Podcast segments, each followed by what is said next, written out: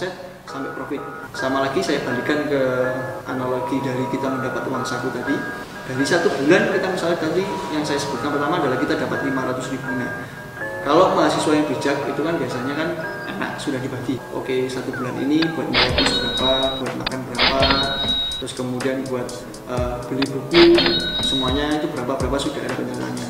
Cuman kalau bagi orang yang uh, lemah di manajemen keuangan biasanya itu ngerasa bahwa oh awal bulan ini merasa jadi orang kaya gitu kan bisa beli semua yang makan makan makan makan makan makan bisa beli ini ini, ini itu ketika ketika di akhir bingung sih seret.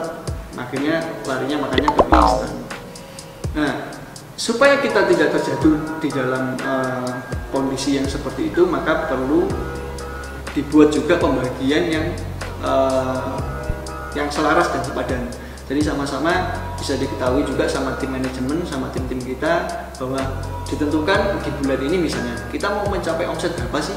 Nah misalnya dikatakan kita mau misalnya mau mencapai omset 10 juta. Ya udah kita catat 10 juta kita catat kita bareng terus kemudian kita doa bareng terus kemudian kita berusaha untuk mendapatkan itu. Terus kemudian dari 10 juta itu proyeksinya nanti bagaimana? Ketika mendapat omset 10 juta pembagiannya nanti bagaimana? Nah pembagian di sini ada ada dibagi untuk HPP, ada dibagi untuk gaji, terus kemudian ada dibagi untuk operasional, sama dibagi untuk marketing, baru larinya oke. Ini adalah standar dasar ya, jadi ada lima standar dasar ini yang bisa dipakai untuk membagi dari omset. Sehingga supaya uh, teman-teman tahu badinya itu biro, profitnya itu berapa, dana yang nanti mau dikeluarkan untuk marketing itu berapa sudah tahu. Jadi dari 10 juta tadi itu dibagi. Nah, gampangnya kalau misalnya kita ngomong standarnya ya kita ngomong persentase aja. Jadi yang pertama adalah kalau misalnya dibagi dari HPP kalau kita produknya berbasis makanan misalnya kita resto ya. Jadi kan kita kan setiap mau bikin satu menu makanan misalnya bebek goreng itu kan selalu ada hitungannya. Ada hitungannya berapa sih harga yang diproduksi uh, yang dipakai untuk menciptakan satu mangkok atau satu piring makanan yang kita sajikan ke pelanggan. Nah kalau misalnya belum, nah itu PR bagi para business owner untuk membuat itu dulu. Karena kalau itu HPP jelas, maka semuanya yang lain jelas. Jadi HPP itu kalau diangkakan normal, persentasenya itu adalah yang ideal adalah di angka 40 sampai 50. Kalau masih HPP-nya di angka itu, maka bisnis masih bisa dilanjutkan. Bisnis masih bisa dikerjakan dan aturan belakangnya untuk pembagian berikutnya itu jauh lebih mudah. Jadi untuk APP disarankan bisa sampai di angka 40% sampai 50%. Terus kemudian yang kedua adalah di gaji. Jelaskan uh, kalau sudah buka resto berarti kan ada yang harus mengisi nih uh, waitersnya, ada kasirnya. Nah itu kan perlu digaji, perlu ada penggajian buat orang-orang yang kerja di sana. Nah itu kalau angka normalnya adalah di 10%. Jadi disesuaikan kalau misalnya operasional supaya bisa terdeteksi operasional apakah untuk yang gaji ini terlalu gede dalam satu omset yang kita capai atau terlalu dikit nih kita nggak adil nih sama karyawan kita.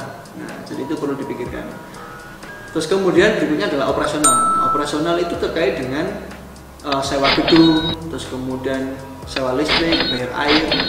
Uh, kalau ada wifi ya berarti masuk wifi jadi itu adalah operasional. Jadi yo oke okay, memang di awal ketika mau membuat usaha kita belum tahu. Cuman kan kita bisa mengira-ngira Cuman ketika setelah satu bulan berlalu kan mesti ada balik lagi ke yang pertama ada historinya, ada sejarahnya. Oh berarti satu bulan itu operasional kemarin itu sekitar segini. Nah itu normalnya juga bagusnya di angka 10% dari target omset yang mau dicapai. Nah yang keempat adalah di marketing. Nah ini agak berbeda teman-teman. Nah kalau marketing kita memang baru buka awal kita memang perlu menggelontorkan dana marketing yang jauh lebih banyak. Bisa disebarkan 10% untuk dana marketing. Jadi ngiklan di sana, ngiklan di sini, ngiklan di IG Ads, ngiklan di Facebook. Nah kalau misalnya punya channel, punya 10% itu masih masuk di iklan banner di jalan ya dimasukkan juga nggak apa-apa. Jadi uh, marketing itu ada alokasinya juga. Tapi kalau dalam posisi standar kita main-main shift-shift aja itu di angka 5 sampai 3% itu masih oke. Okay. Jadi marketing ya hanya untuk memaintain bahwa kalau ada promo hmm, promo itu bisa tersampaikan ke para konsumen kita. Nah, yang terakhir adalah di profit. Jadi dari tadi setika dari omset tadi kan berarti omset itu kan 100%. 100% dikurangi dengan HPP, dengan gaji, dengan operasional dan marketing. Nah, itu kira-kira sudah ada dapat berapa persen profit yang didapat.